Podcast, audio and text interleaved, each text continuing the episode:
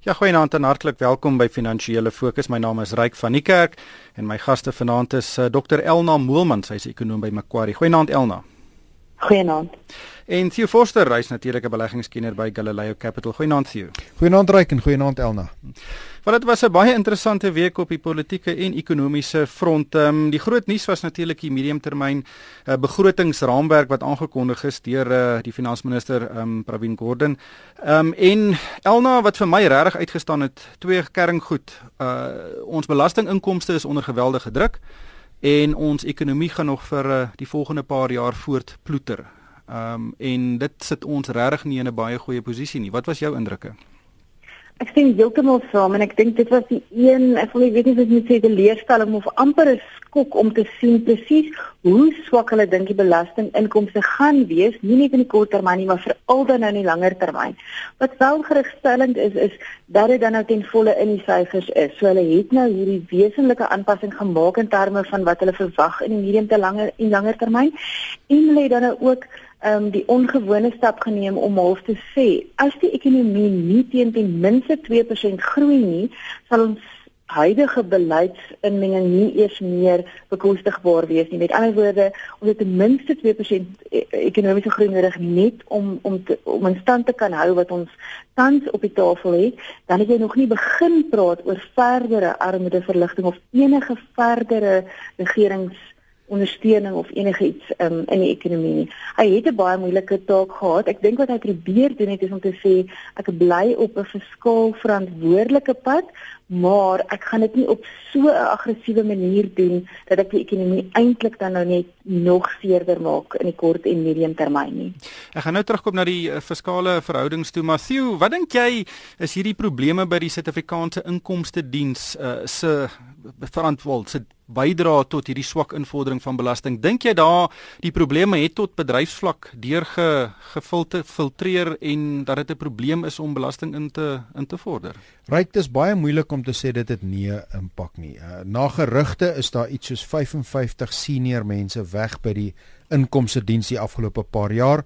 En as jy senior mense verloor, moet jy moet jy aanvaar dat enige instelling sy kapasiteit om sy werk baie goed en en, uh, en sorgvuldig te doen, dit moet taan. Aan die ander kant ons ekonomie kry swaar. Ek dink die groei syfers wat ons deesdae sien en ek sien hulle praat van vir die jaar hoop ons vir kom ons sê 'n half persent groei. Dis definitief nie die begroei wat jy wil hê nie. En ek kom terug na wat Elna gesê het is ehm um, die feit dat as ons onder 2% groei, dan beteken dit ons programme vir vir vir vir hulp vir welsyn, vir armoedeverligting uh, gaan onder druk kom en dit sluit 100% aan na die graderingsagentskappe wat ons in elkeen van hulle se dokumentasie en elkeen van hulle se rasionaal word groei baie baie sterk uiteengesit. Soveel so SMP het gesê dat uh, hulle vooruitskatting is is vir vir hierdie jaar 0.6 van 'n persent wat dan gaan na 1.5% en as ons onder daai raamwerk inkom dan is daar ernstige vrae oor ons skuldgradering. So hierdie groei lê sentraal daartoe, maar ek dink nie dis die enigste ding nie. As jy 'n instelling van senior kwaliteit mense ontneem, gaan jou integriteit en daarmee sê jou effektiwiteit gaan taan. Daar's nie 'n kwessie nie.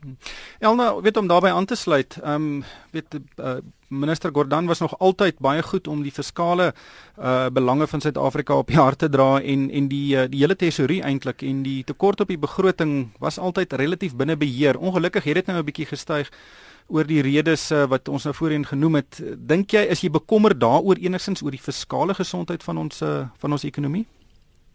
Ek dink nie op hierdie stadium nie en as ons nou kyk wat die besluite wat nou geneem word, is daar nie kommer oor nie en as mens kyk hoe hulle probeer om die fiskale passeer te verbeter, dan is dit ook 'n baie sinvolle benadering wat sê ons gaan eers kyk hoeveel ons moontlik aan die spanderingskant kan doen en eers wanneer ons dink ons het dit so ver gedruk soos wat ons kan, dan gaan ons kyk hoe gaan ons belastings verhoog. Ek dink dis baie sinvol, maar mense moet dan net ook nooit vergeet dat 'n deel van die verswakking in ons fiskale syfers veral na die resessie was as gevolg van besluite wat ons geneem het. Dit was besluite om baie hoë loonverhogings te gee aan die staatsdiensamptenare en ons het natuurlik redelike sterk groei gesien in die aantal mense wat vir die staat werk. Daar was ook 'n deel van wat ons gesien het wat wat ons eie te doen was.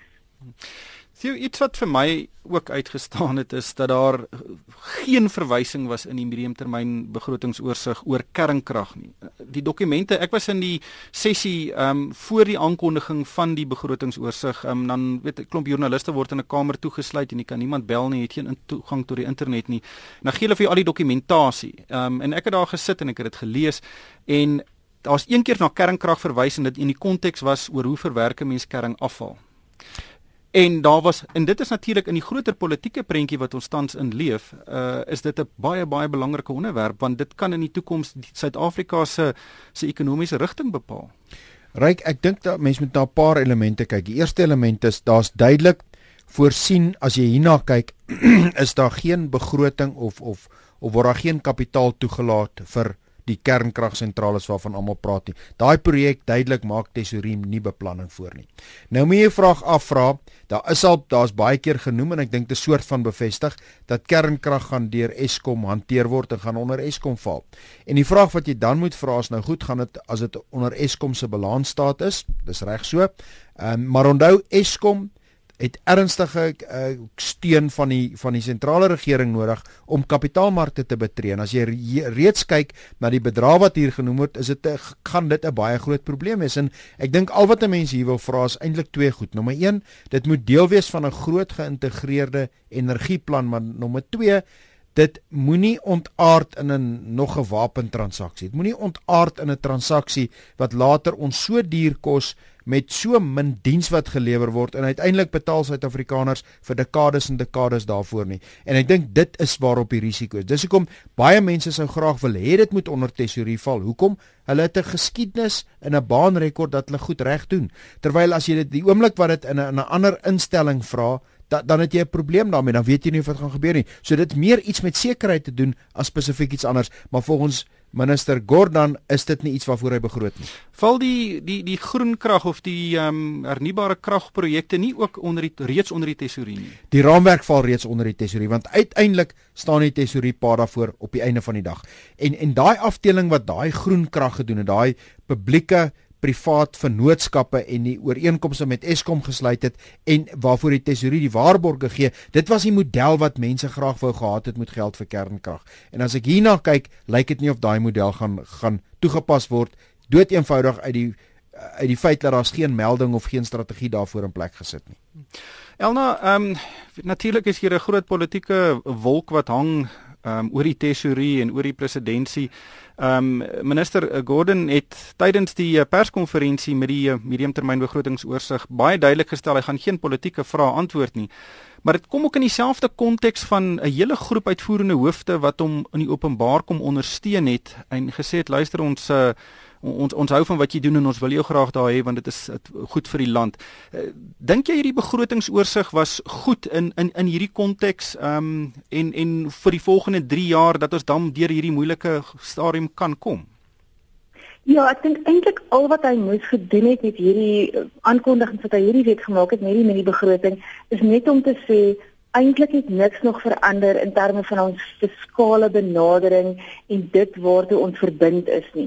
So so hy het nie eintlik nodig gehad of dit was nie eintlik vir hom verwag om iets nuuts op die tafel te sit nie. Die blote feit dat hy gesê het ten spyte van alles wat aangaan, is ons nog steeds uh, heeltemal verbind daartoe om sy skale prentjie te verbeter en ons benadering is nog dieselfde. Ek dink dit is eintlik al wat ons van hom verwag het op hierdie stadium.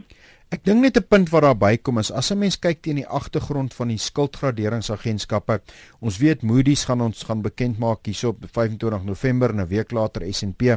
Die een element is groei en ons weet ons groei is aan die baie trae laagkant, maar die ander element is gaan rondom wat is Suid-Afrika se skuldverhouding en in hierdie begroting as 'n mens mooi daarna die syfers kyk, dan gaan dit onder, kom ons sê orde grootte onder 50% wees om nou nie te in detail te dis gaan. Dis nou die totale staatsskuld as 'n persentasie van die BBP. Ja, dis ons totale skaal staatsskuld terwyl die gra graderingsagentskappe in S&P het baie spesifiek gesê dit gaan problematies raak as dit hier na 60% toe beweeg. So op daai vlak is ons in lyn met wat wat geno wat, wat genoem is. Um, ek dink net egter wat wat 'n mens wat ek graag meer wil sal wil sien is hoe ons staatsentiteite hanteer word. Want ek dink dis die een dis een van die elemente ja, die raad van die SAL is verander. Ehm um, ons sien dat Eskom krag voorsien. Daar's nie meer beurtkrag nie, maar mense sou tog graag meer strate strategiese punte rondom daai wou gesien het. Kom ons gesels oor die Suid-Afrikaanse lugdiens. Ehm um, Theo, hulle het jy weet Vrydag aangekondig, hulle het in hulle 2016 boekjare verlies gely van 1,5 miljard rand. Ehm um, is eintlik minder as wat baie mense verwag het. Ehm um, en oor die afgelope 2 jaar het hulle 7 miljard rand verloor. Nou dis 'n groot groot hoop geld. Ehm um, en Dudu Mayeni natuurlik die omstrede voorsitter het uh, drie uh, goeder se die rede uh, wat gesê drie goeder se die rede vir hierdie verlies. Die eerste een is brandstofpryse. Die tweede ene is nie winsgewende roetes. Ehm um, en die derde ene is waar ek nogal geglimlag en geglimlag het en ek dink baie ander mense ook en sy het gesê daar's te veel mededinging.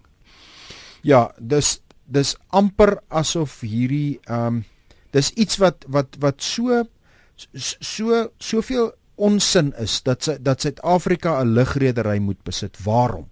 Dis 'n gewone kommersiële besigheid. As ek Londen toe wil vlieg, is ek seker iemand sal vir my 'n vliegtuigkaartjie gee. Die staat hoef nie betrokke te wees daarbey nie. En dan mag jy kyk na die waarborge, iets soos 20 miljard rand se waarborge. Jy kyk alleen na 7 miljard rand se verliese oor 2 jaar, dan is dit baie duidelik dat hierdie entiteit word nie oordentlik bestuur nie. Nou ek sê nie daar's nie uitstekende bedryfsmense daar nie en ek vlieg baie SAL. Dis 'n daar's niks fout met die lugredery en die mense wat dit bestuur en die vlugte en die vliegtye en die in die in die op bedryfsvlak nie. Daar's niks fout op bedryfsvlak nie, maar absoluut op 'n strategiese vlak is hierdie net eenvoudig iets wat ons nie kan bekostig nie. Nou, dit sou 'n lekker argument gewees het as die as as die as die regering die die die vermoë gehad het en en en en en die kom ons sê geskiedenis gehad het van instellings omdraai en effektief bestuur, dan was dit 'n interessante argument. Maar omdat die regering nie dit het nie, dan word dit amper 'n eensidedige argument, amper 'n argument so ja, kom ons praat oor 3 of 4 jaar. Hulle sê nou in 2021 behoort ons nou by wins uit te kom.